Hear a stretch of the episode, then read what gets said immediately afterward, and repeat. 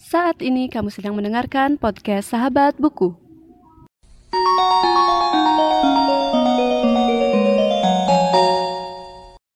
Sebelum mendengarkan episode kali ini, jangan lupa follow podcast Sahabat Buku di Instagram di @podcastsahabatbuku.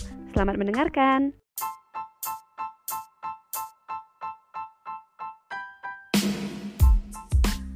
Halo semuanya dan selamat datang kembali di podcast Sahabat Buku. Dan kali ini aku bakal um, ngasih sedikit review untuk buku dari Mera Anastasia dengan judul Imperfect. Jadi aku yakin para pendengar uh, sahabat buku ini udah nggak asing banget sama buku ini karena beberapa bulan yang lalu, seingat aku bulan Desember ya, uh, itu tayang filmnya Imperfect yang diperanin sama Jessica Mila dan Reza Rahardian. Walaupun aku nggak nonton, tapi aku ngikutin perkembangannya karena aku sempet juga kemarin nonton apa sih pokoknya nonton YouTube terus itu uh, pem, pembicaranya itu Mera Anastasia gitu. Oke, jadi sebelum aku cerita tentang bukunya, aku mau cerita sedikit kenapa aku uh, niat baca buku ini gitu. Karena awalnya aku nggak tahu kalau uh, Mera membuat buku ini gitu.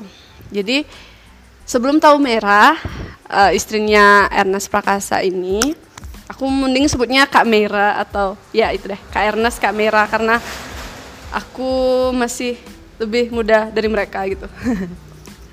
jadi um, jadi awalnya itu aku suka nonton aku suka nonton apa ya apa sih ah ini Rudy Habibi. Aku suka nonton itu dan ada satu peran yang aku suka lihat yaitu Kak Ernest. Dan waktu itu gimana ya lucu aja gitu waktu dia ngobrol yang apa sih yang pokoknya ada waktu scene Kak Ernest ngomong sama Kak Reza itu tentang uh, beasiswa ke Jerman itu kan. Terus aku kok kayak nggak asing ya sama mukanya Kak Ernest gitu. Kayak pernah nonton di TV atau apa gitu. Terus aku kan cari-cari tuh pemerannya siapa aja gitu. Terus ya ternyata emang aku pernah nonton kayak nih tapi kayak sekilas aja gitu kan. Sampai aku nonton juga film-filmnya Kak Ernest yang dulu. Dan aku suka banget nonton film ngenes bener-bener suka. Kayak gimana ya baper baper banget deh pokoknya nonton aku suka banget. Terus kan dari sana lah aku tahu istrinya Kak Ernest tuh Kak Mera.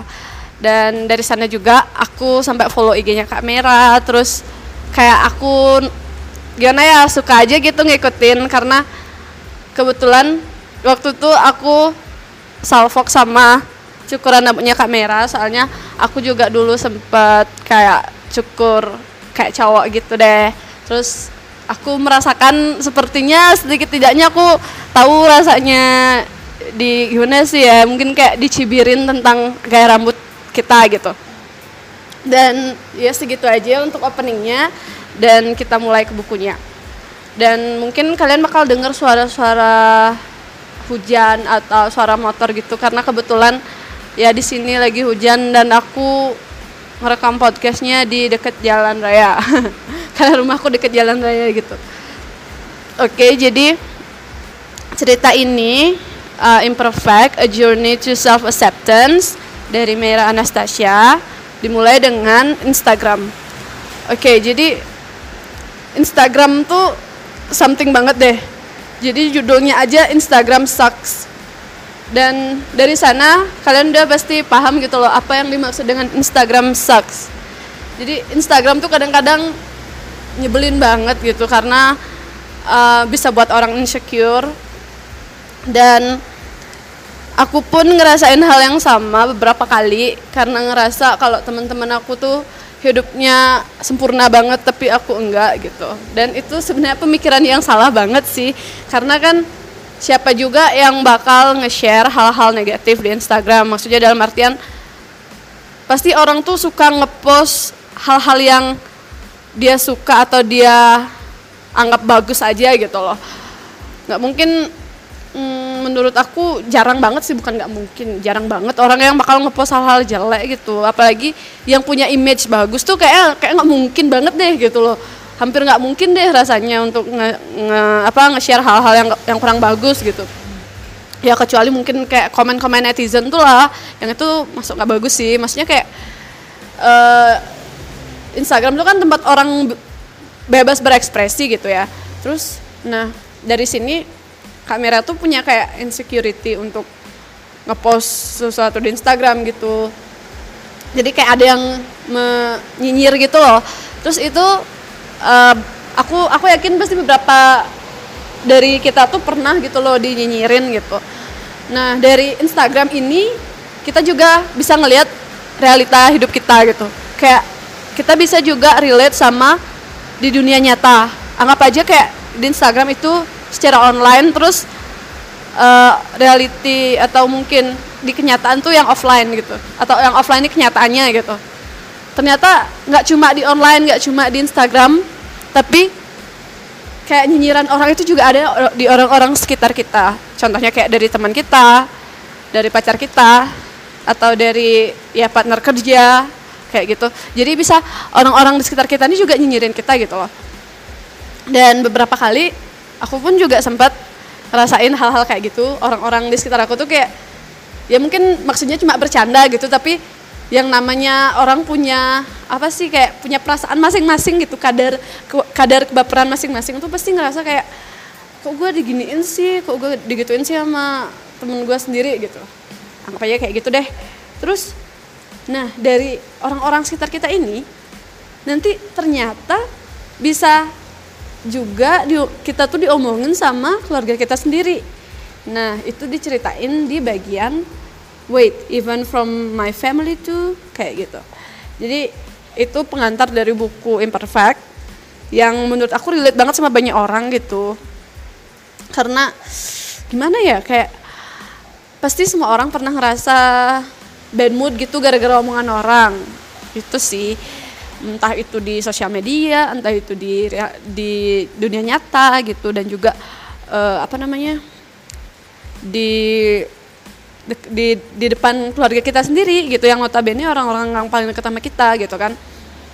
Dan juga um, kita sebenarnya bisa memilih respon apa yang harus kita lakuin. Dan itu nyambung di bagian selanjutnya when you're about to say bad things to other people, just think about this. Jadi ini adalah bagian dari aksara merah, yaitu ada kutipan-kutipan yang um, bisa dibilang kutip-kutipan kecil gitu dari kamera yang uh, isinya tuh menurut aku mind blowing banget. Salah satunya yang ini, when you're about to say bad things to other people, just think about this. Would it make you happier? Would it help you with your problems? Would you be happy if someone else said that to you? Jadi kayak menurut aku gimana ya? Ini tuh benar-benar relate sama kehidupan orang-orang di zaman sekarang yang kayak nggak bisa lepas dari smartphone nggak bisa nggak buka Instagram sehari. Bahkan sampai ada istilah detox Instagram atau diet sosial media. Itu pun menurut aku sebenarnya latar belakangnya adalah hal-hal kayak gini gitu loh. Yang berasal dari nyinyiran orang, dari cibiran orang-orang, dari omongan orang, dari sesuatu yang sebenarnya berasal dari luar diri kita sendiri. Terus uh, kita sekarang disuruh mikir gitu. Coba kamu sekarang yang mungkin bisa dibilang kayak coba kalau kamu merespon terus kamu digituin enak nggak sih rasanya atau misalkan kita benar-benar diajak berpikir untuk jangan langsung komen gitu loh maksudnya kayak misalkan orang tuh ya apa tuh anggap aja kayak seorang cewek tuh harus rambut panjang kayak gitu. Terus ada orang yang botak setengah gitu misalkan. Atau yang tuh ada cukurannya yang setengah botak terus setengah um, agak panjang gitu. Atau yang emang cukur laki atau bahkan dibotakin sekalian gitu. Apakah salah? Tapi kan itu cara mereka berekspresi gitu loh. Sama aja kayak kamu mempertanyakan kenapa orang bisa seperti itu. Itu pasti ada latar belakangnya yang mungkin kalau kamu dengar ceritanya bakal gimana ya ngerasa gitu loh. Terus uh, ceritanya ini berlanjut ke thought love terus gimana ya? Hmm, bisa dibilang uh, kelanjutan dari buku ini tuh bakal ngebahas hal-hal yang mungkin berbau opini dan juga baper-bapernya kita gitu terus itu emang kayak gimana ya menurut aku tuh relate banget sama kehidupan kita apalagi buat mungkin buat orang-orang yang sedang cepet baper-baper gitu karena aku ngerasa banget. Jadi kayak mungkin susah aja sih buat nggak baper sama orang walaupun dia walaupun dikasih omongan kayak ya udah nggak usah diomongin nggak usah didengerin lah gitu. Tapi nggak segampang itu gitu loh. Pasti pas kita ya mungkin ada beberapa orang yang kayak kalau aku tuh gini kalau aku misalnya baru denger aku bilang saya eh kamu gini gitu mungkin dia ngomongin aku satu kalimat gitu. Bukan sekarang aku mikirnya gitu. Bukan saat itu juga gitu. Tapi waktu aku lihat itu aku biasa aja. Tapi pas aku misalkan udah kayak nyantai aku udah nggak ada nggak ada kerjaan atau aku mau tidur atau aku lagi bener-bener kayak nggak lagi mikirin apa pun nah pikiran-pikiran kayak gitu yang datang.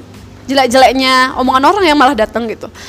Sehingga kadang-kadang pasti ada aja orang-orang yang kayak overthinking gara-gara hal-hal kayak gitu gitu loh. Terus di sini juga dibahas um, ini sebenarnya uh, untuk konten dewasa ya untuk untuk lanjutannya yaitu tentang prahara prahara payudara. Itu merupakan hal yang hmm, gimana ya aku sendiri sebenarnya agak bingung waktu baca karena aku nggak ngerasain juga. Cuma gimana ya aku ngerasa kalau waktu baca itu tuh kayak kasihan aja sih. Bener-bener kayak gimana ya aku nggak bisa ngebayangin gitu kalau aku jadi kak Mira waktu itu. Karena kayak berat banget gitu loh. Terus ya gimana ya aku kurang mungkin kayak untuk bagian ini aku kurang kurang terlalu bisa membahas karena aku juga nggak terlalu paham. Dan ya paling tidak aku mikir kalau bagian ini adalah bagian yang bisa dibilang hmm, bisa kita ambil maknanya sebagai kalau kita gimana ya nggak salah untuk berubah tapi ya gimana?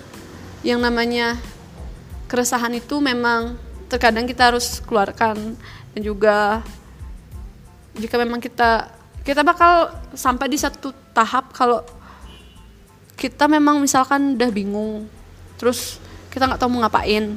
Terus akhirnya kita ngambil satu jalan dan entah itu benar atau enggak ya jalanin aja gitu. Itu sih yang aku itu ya itu sih yang aku benar-benar tangkap dari cerita ini.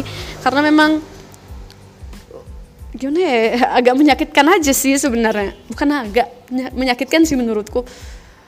Uh, waktu aku baca ini tuh kayak gimana aku aku aku tuh jadi mikir kak kalau itu aku kayak gimana sih sebagai seorang perempuan tuh sebagai kak Meira waktu itu yang lagi insecure banget terus kayak bingung bingung banget gitu. Gimana sih? Kayak gimana ya aku sebagai perempuan tuh jadi ngerasa ya gimana ya something banget lah gitu. Dan kalau kalian memang apa namanya kayak mungkin pengen tahu lebih lanjut silahkan baca bukunya aja. Saya mungkin kalau di sini terlalu banyak nanti uh, relate sama hal-hal lain deh. Karena aku juga nggak tahu mau bahas apa untuk hal-hal lain itu. Dan selanjutnya ini nyambung ke introduction yang tadi yaitu ke Instagram. Jadi di sini ada judulnya sebenarnya kan rumput tetangga jauh uh, rumput tetangga lebih hijau tapi ditulis Instagram tetangga lebih kece. Nah kayak gini nih. Maksudnya terkadang aku lihat beberapa orang um, kayak mungkin kesannya dari dari perspektifku sendiri orang-orang itu berlomba-lomba membuat postingan yang bagus-bagus gitu. Mungkin kayak postingannya macam-macam dia liburan ke mana ke mana-mana gitu. Terus nah orang yang ngelihat ini malah jadi insecure gitu. Malah jadi bingung sendiri malah pengen lebih baik gitu. Mungkin motivasinya bagus ya jadi lebih baik dari orang lain. Tapi gimana ya terkadang orang-orang tuh kasarnya kayak fake buat uh, kelihatan kece gitu.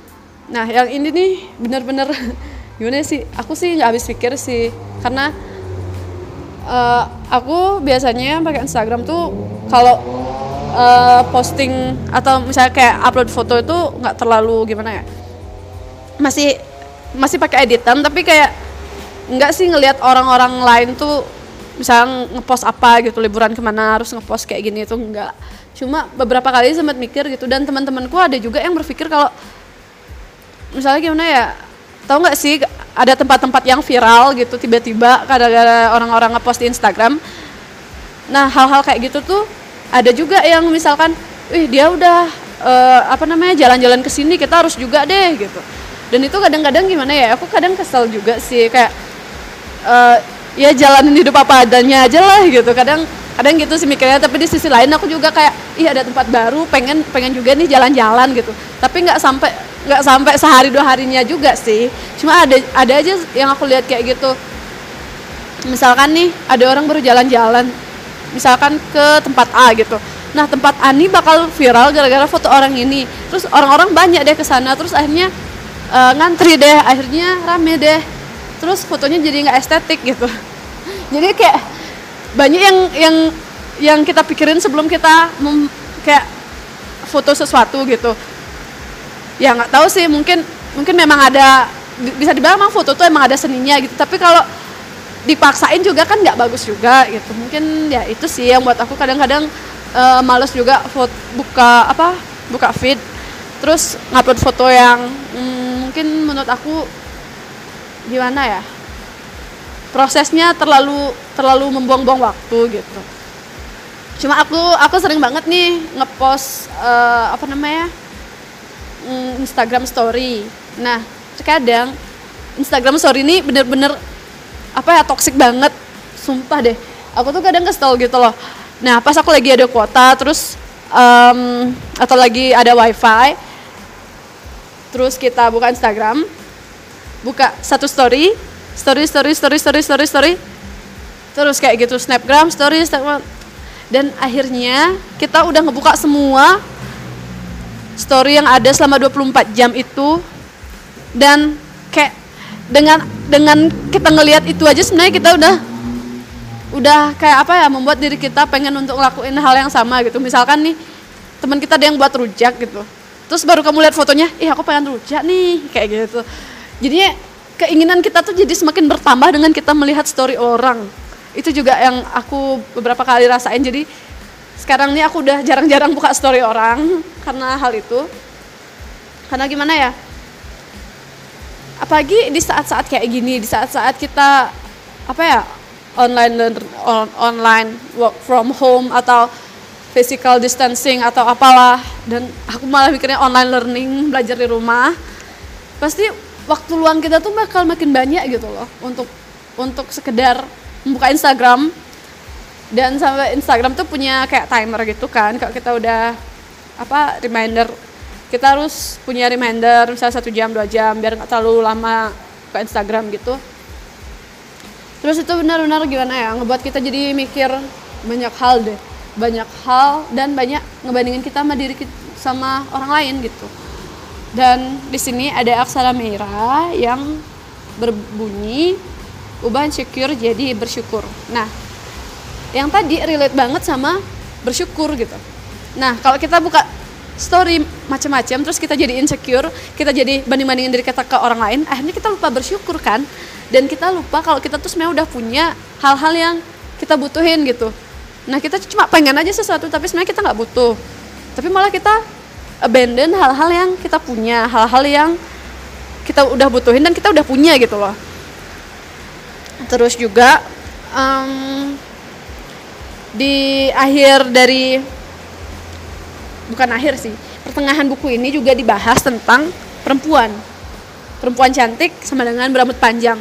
Hell no that's really wrong gitu. Buat aku sih aku tuh bener-bener setuju banget sama kak Mera soalnya aku relate banget karena aku pernah potong rambut pendek banget gitu. Aku ngerasa perempuan cantik tuh nggak harus rambut panjang ya bukan berarti orang yang rambut panjang nggak cantik bukan kayak gitu. Cuma ya perempuan cantik tuh gimana ya subjektif banget gitu. Dan buat aku nggak harus nggak harus rambut panjang gitu loh.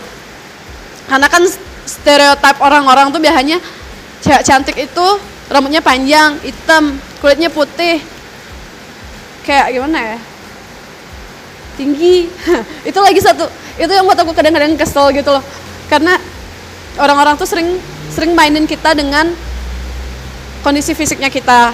Contohnya kayak aku tuh sering banget dicandain gitu. Tapi aku emang karena aku tahu teman-teman aku tuh cuma bercanda jadi aku tuh nggak lah sampai kepikiran banget gitu. Dibilang ih kamu pendek banget ih kamu gini banget ih gitu deh. Ya serah kalian deh gitu. Tapi karena aku tahu bercanda aku nggak terlalu mungkin nggak cepet lelah juga dengan hal-hal kayak gitu. Tapi emang ada masa-masa di mana aku tuh ngerasa emang rada insecure gara-gara aku melihat orang lain tuh kok kayak gini kok aku enggak gitu. Dan dengan aku baca buku ini aku benar-benar ngerasa kayak kalau emang orang-orang tuh punya keunik keunikannya masing-masing gitu. Apalagi perempuan yang hmm, bisa dibilang uh, stereotip orang-orang terhadap perempuan tuh something gitu loh. Kayak kamu harus gini lah perempuan tuh harus gitulah perempuan harus gini lah aku tuh ngerasa kayak gimana ya? Ini relate banget sama hidup aku gitu loh. Sebagai seorang perempuan yang mungkin berbeda dengan perempuan yang dikatakan masyarakat atau ya orang-orang di sekitar aku gitu. Contohnya aja kayak perempuan tuh harus bisa masak. Masak nih maksudnya masak apa gitu? Aku aku aku malah mempertanyakan itu gitu. Kok masak air aku bisa gitu? Tapi nggak tapi nggak gitu juga sih. Cuma kayak uh, gimana ya?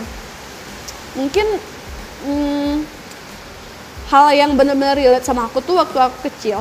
Jadi aku waktu itu udah sempet gimana ya? Jadi bisa dibilang kalau di Bali itu cewek tuh harus bisa nari. Nah itu salah satu stereotip orang-orang di Bali gitu. Perempuan Bali itu harus bisa nari. Perempuan Bali itu harus bisa menjahitan kayak gitu misalkan. Ya nggak salah karena itu emang budaya kita gitu. Cuma waktu itu gimana ya? Dari pengalaman aku pribadi aku tuh emang kaku banget jadi waktu nari tuh emang kaku banget gitu. Terus nggak ada motivasi yang bener-bener ngebuat aku bisa hmm, mungkin bertahan untuk nari gitu. Jadi aku aku bukannya gimana aku bukannya maksud ngebandingin sama orang yang bisa nari atau enggak cuma ini pengalaman pribadi aku yang merasa stereotip itu bener-bener kayak ngebuat kita overthinking deh gitu. Karena gimana ya apalagi orang-orang di sekitar kita yang ngomong itu ngebuat kita jadi nggak nggak bisa mengekspresikan diri kita seutuhnya gitu. Nah waktu itu aku bener-bener kayak kaku. Terus gimana ya? Aku sempet ketemu sama orang dari intinya dari luar Bali gitu. Terus ditanya kan kamu kelas kamu kelas berapa gitu? Aku aku waktu itu kelas 2 SMP kayak kamu uh, aku kelas 2 SMP gitu. Baru di, udah bisa nari apa aja digituin. Langsung bener-bener tanpa nanya kamu udah bisa eh, kamu bisa nari apa enggak? Dia langsung nanya udah bisa nari apa aja gitu terus aku tuh kayak diem kayak hah? Aku nggak bisa nari gitu. Terus aku bilang e, maaf tante aku nggak bisa nari kayak gitu. Oh nggak bisa ya gitu. Tau nggak sih kayak sakit banget. Kayak waktu itu kayak gimana ya? Hmm, sedih aja sih. Cuma akhirnya aku mikir kadang-kadang benar stereotip, stereotip tuh ngeganggu banget deh. Apalagi emang karena aku nggak bisa tuh dengan ya seperti alasan tadi gitu. Aku tuh nggak termotivasi aku tuh kaku dan ya passion aku bukan passion ya mungkin kayak hobi aku nggak di sana gitu loh. Sedangkan orang lain tuh udah udah ngejudge aku tuh udah bisa padahal aku belum gitu. Dan di sana tuh ngebuat aku langsung mikir waduh kayak eh, salah banget ya. Tapi nggak juga sih. Dan ya udahlah nggak usah dipikirin gitu. Akhirnya akhirnya mulai mulai muncul otak-otak bodo amatnya aku gitu. Dan ini udah out of topic terus tapi bener-bener relate banget makanya aku suka banget nyeritain buku ini karena jujur aku ngerasa aduh ya Tuhan itu bener-bener relate sama hidup aku dan hmm, gimana ya walaupun kita punya cerita kita masing-masing maksudnya kayak aku punya cerita aku sendiri terus kamera punya ceritanya kamera sendiri paling tidak mungkin sebagai sesama perempuan tuh saling bisa saling ngerti gitu loh. Kayak waktu aku baca bukunya kamera nih kayak iya aku juga pernah kayak gini. Iya aku juga ngerasain ini kayak gitu.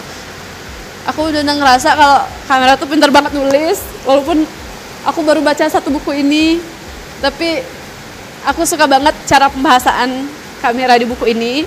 Dan buku ini ditutup dengan workout tutorial dari kamera karena kamera kan uh, apa tuh ikut kayak workout training gitu kan.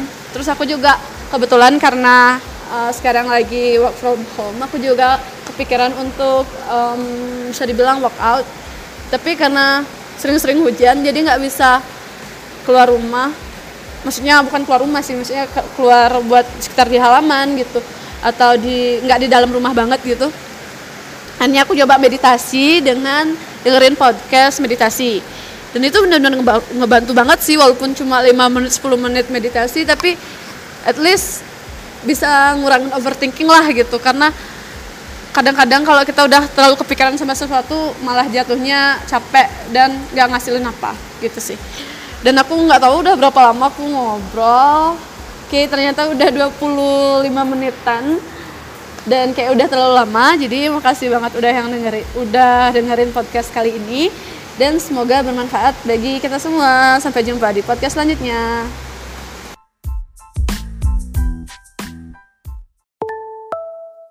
Terima kasih sudah mendengarkan podcast Sahabat Buku. Bagi pengguna Spotify, jangan lupa follow. Dan pengguna Apple Podcast, jangan lupa subscribe supaya bisa mendengarkan semua episode baru dari podcast Sahabat Buku. See you in the next episode.